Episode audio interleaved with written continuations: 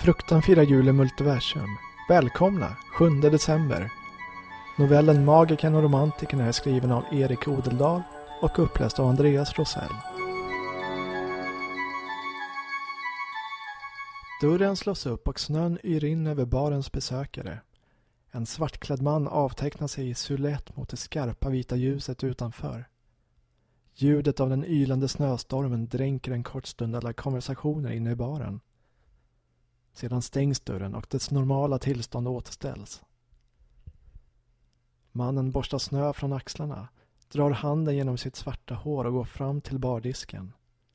Han slänger fram ett par kopparmynt och ber om en Glada Gripen, honungsöl och vodka. Tar fram en cigarett och tänder den. Drar ett långt djupt blås. Glöden lyser kort upp hans strikta ansikte. Jag antar att det fortfarande är tillåtet att röka här. Jag har bara en halvtimme när jag måste tillbaka till skolan. Den tatuerade bartendern nickar, skickar iväg en loska ner i spottkoppen som klingar så högt att alla i baren en kort stund blir tysta. Den svartklädda mannen ser sig om. Hans ansikte ser ut som det stelnat fast i en ogillande min. Barens besökare, som många av dem tagit sig hit för att slippa vardagens stress, kurar ihop sig när hans blick träffar dem. Den har den effekten, alltid. Till slut fastnar den på ett sällskap i ett av båsen. En ung kvinna och två män. De sitter hukat, tittar nervöst upp mot honom. Som om de försöker gömma sig. Sånt beteende gillar han inte. Han går fram till deras bord. Finns det någon anledning till att ni trycker här som en grupp ljusskygga paddor? Gömmer ni er för någon?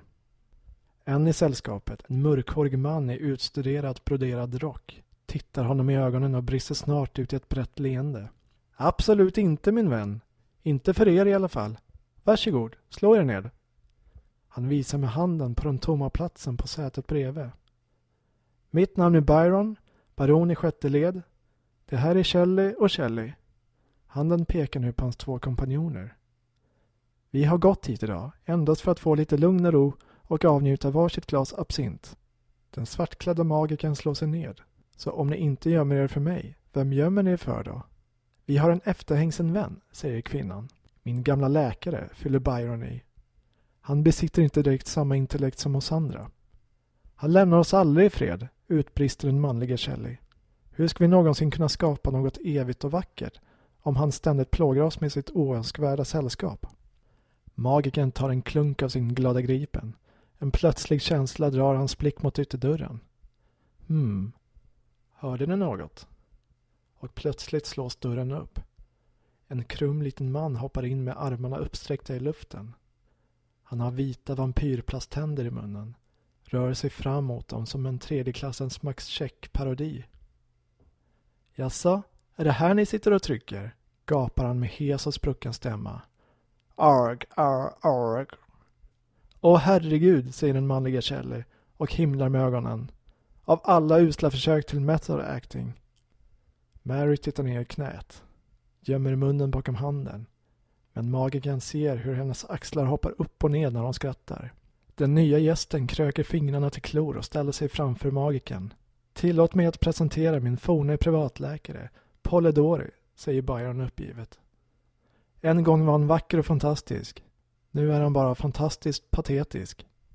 Om Polidori tar illa vid sig så visar han lite utåt. Han sträcker fram sin krokiga högerhand mot magikern. Angenämt. Magikern suckar djupt och skakar hans hand. En känsla växer inom honom och hotar att explodera.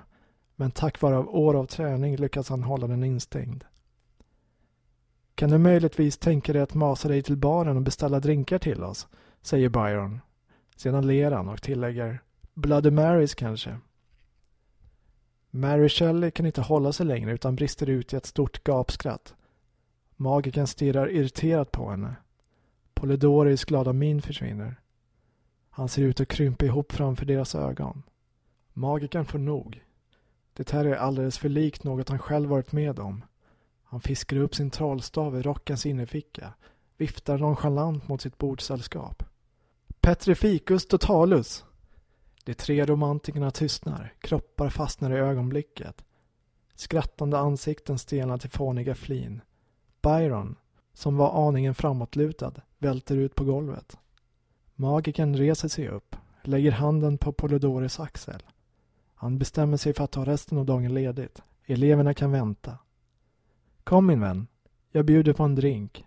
Han vänder sig tillbaka mot båset en sista gång och tillägger. Jag har en vän som kan forsla dem där tillbaka till Schweiz via dragpost.